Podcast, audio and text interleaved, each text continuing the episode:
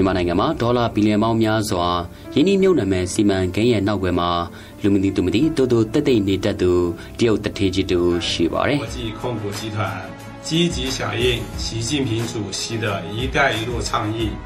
全力推进သူမှာရှီခိုင်လွန်ဆိုတဲ့နာမည်အပါဝင်အ ਨੇ ဆုံးနာမည်၄ခုရှိပါတယ်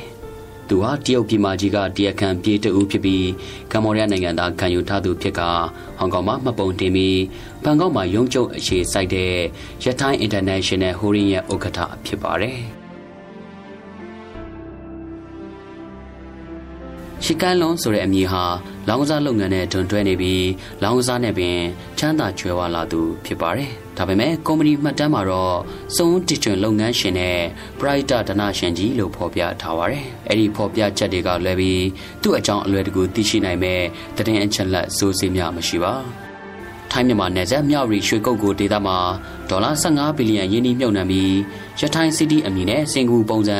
စီးပွားရေးလုပ်ငန်းတွေရဲ့ဗဟိုချက်မျိုးတစ်ခုကို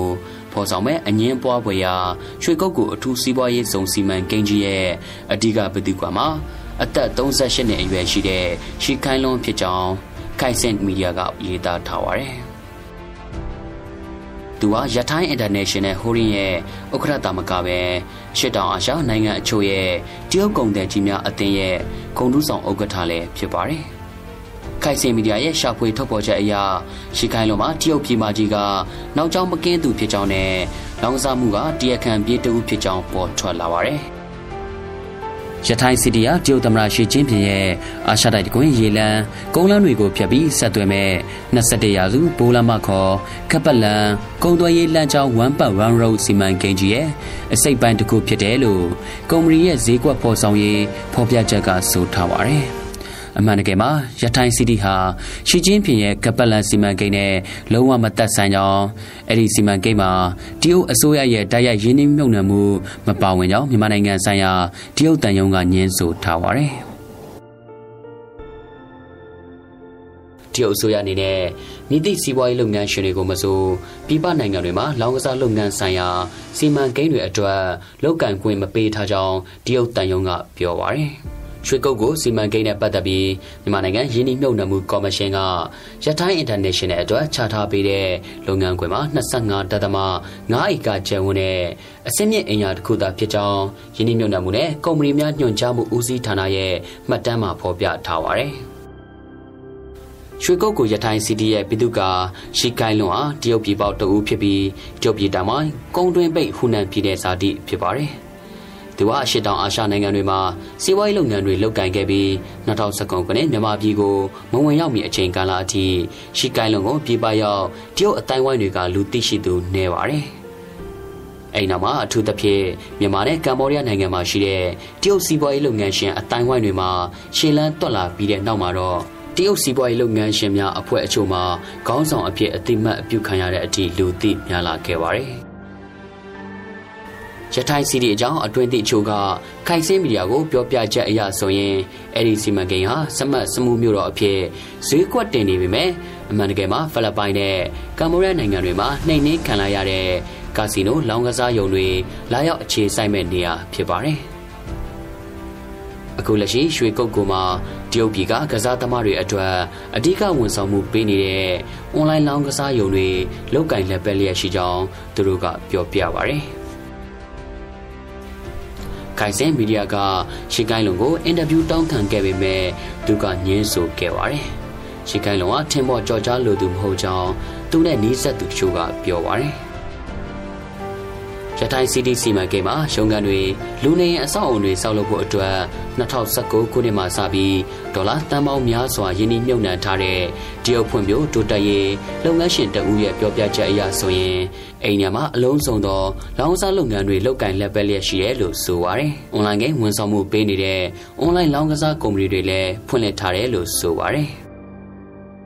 ရထိုင်းစီတီရဲ့ဒီနေရာဟာထိုင်းမြန်မာနဲ့ကမ္ဘောဒီးယားသုံးနိုင်ငံကြားမှာအလွယ်တကူဝင်ထွက်သွားလာနိုင်တဲ့နေရာဖြစ်တဲ့အပြင်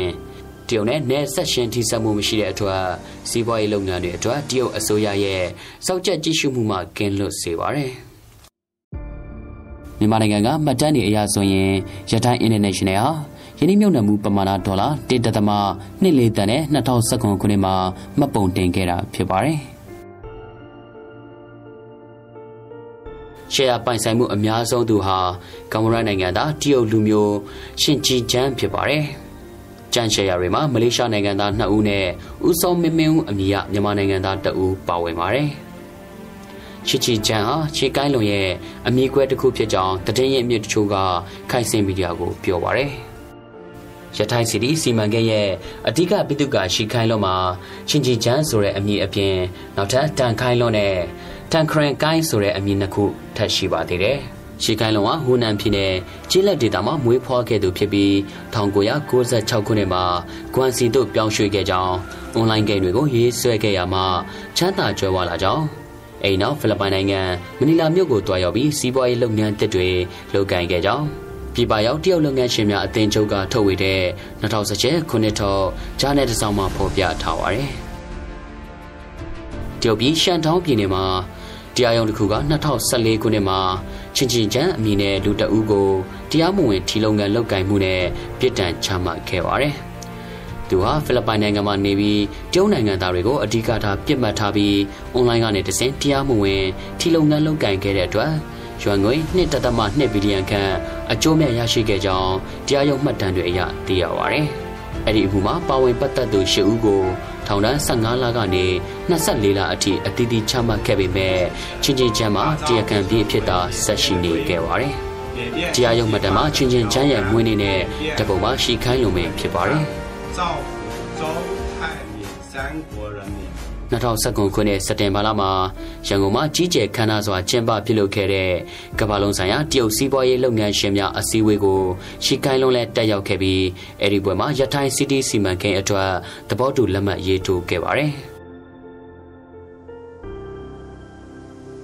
ကိုင်စင်းမီဒီယာကသတင်းတောက်တွေပေကျင်းမြို့မှာရှိတဲ့ရထိုင်း International ကုမ္ပဏီရုံးခန်းကိုပြီးခဲ့တဲ့လကတွားရောက်ခဲ့ရမှာ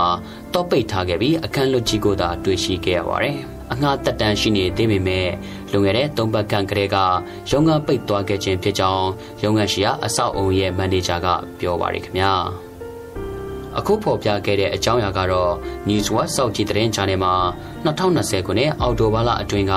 ဖော်ပြခဲ့တဲ့သတင်းဆောင်ပါကိုရုပ်သံအဖြစ်ပြန်လည်တင်ဆက်ပေးလိုက်တာပဲဖြစ်ပါရခင်ဗျာ။